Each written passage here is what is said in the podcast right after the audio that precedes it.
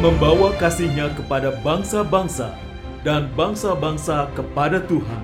Melalui kerjasama Yayasan Jangkar Kehidupan dan Lutheran Hour Malaysia, inilah program Meaning of Life. Terimalah salam dari kami untuk seluruh sahabat terkasih.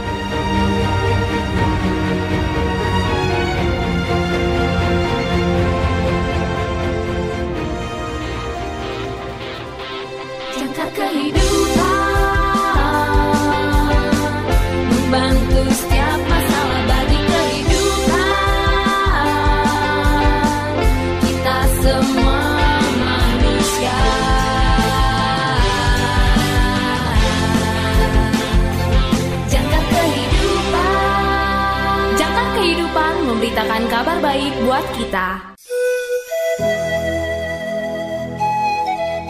Salam dalam kasih Kristus. Selamat berjumpa kembali sahabat terkasih dalam program renungan Meaning of Life.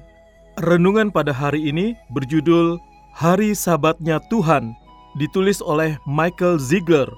Nas Alkitab diambil dari Lukas pasal yang ke-6 ayat 5. Lukas pasal yang ke-6 ayat 5.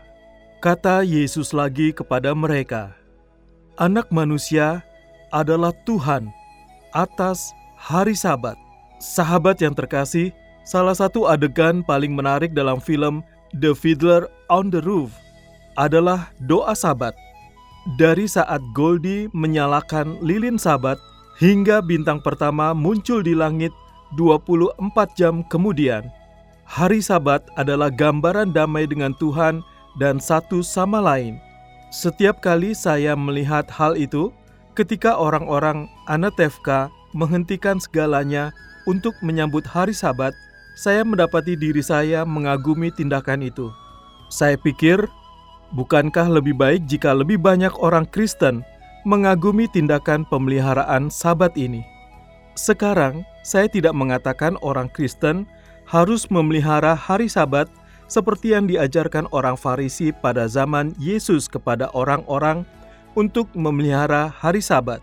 Saya tidak bisa mengatakan itu karena Perjanjian Baru mengatakan, "Jangan ada yang menghakimi kamu sehubungan dengan hari Sabat." Mengapa? Karena hukum ritual Yudaisme, termasuk hari Sabat, makan halal, dan sunat, ini adalah bayangan dari hal-hal yang akan datang, tetapi intinya adalah milik Kristus. Lihat Kolose 2 ayat 16 sampai dengan 17. Sahabat yang terkasih, seorang suami dipecat untuk pekerjaannya dan untuk sementara dipisahkan dari istrinya. Dan sang istri menyimpan foto suaminya, sebuah foto yang diberikan kepadanya. Dia menyimpannya saat mereka dipisahkan. Tapi kemudian suatu hari perpisahan itu berakhir dan mereka bersatu kembali. Lalu apa yang terjadi pada gambar itu? Itu dilampaui oleh pengalaman mereka berdua sama-sama berpisah. Hari Sabat adalah gambaran damai di hadirat Allah. Dan gambaran ini bersama dengan semua ritual perjanjian lama dipenuhi oleh pengalaman berada di hadirat Yesus Kristus, Mesias Yahudi. Dikenal olehnya dan dikasihinya sebagai bagian dari umatnya. Mempelai Kristus. Lihat Efesus 5 ayat 30. Itu adalah pengalaman yang luar biasa seperti bagaimana kehadiran seseorang melebihi foto mereka. Tapi kalau kamu sayang sama orang itu, kamu masih bisa mengagumi fotonya kan? Para pengikut Yesus pada akhirnya tidak beristirahat dalam sehari, tetapi dalam satu pribadi. Kita menemukan ketenangan di dalam Yesus setiap kali firman-Nya di dalam Alkitab dibagikan dan diucapkan. Kita menemukan ketenangan di dalam Tuhan di mana pun orang dibaptis dan kapan pun orang yang dibaptis berkumpul di sekitar roti dan anggur komuni dengan janji kehadirannya. Untuk menemukan Yesus pada hari ini, baik dalam kesendirian maupun bersama orang lain, saudara harus mengesampingkan pekerjaan saudara untuk sementara waktu. Jadi saudara dan saya dapat mengagumi praktek pemeliharaan sabat, bahkan mengadopsi dan mengadaptasi beberapa di antaranya. Dan pada hari ketika dia datang kembali, seperti keluarga Anatevka menghentikan segalanya untuk menyambut Sabat ke dalam hidup mereka, kita akan menghentikan segalanya untuk menyambut Tuhan atas Sabat ke dalam hidup kita.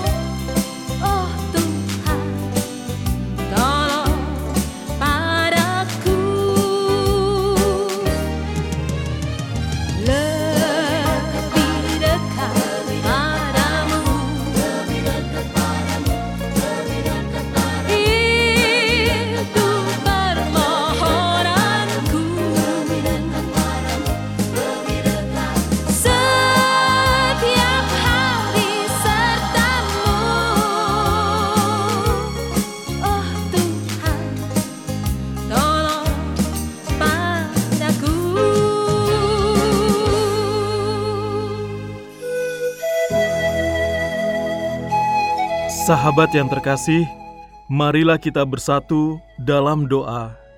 Tuhan Yesus, terima kasih telah memberkati kami dengan damai dan hadirat-Mu. Biarlah kami menemukan perhentian sahabat kami di dalam Engkau dan di dalam Engkau saja. Amin. Terima kasih, saudara sudah mendengarkan program Meaning of Life, persembahan Yayasan Jangkar Kehidupan dan Lutheran Hour Malaysia. Bagi saudara yang berada di Indonesia dan membutuhkan dukungan doa, hubungi Yayasan Jangkar Kehidupan di nomor 0853 1056 8008 0853 10568008 dan bagi saudara yang berada di Malaysia, hubungi Lutheran Hour Malaysia di nomor plus 6017 2011 681 plus 6017 2011 681 Tuhan Yesus memberkati.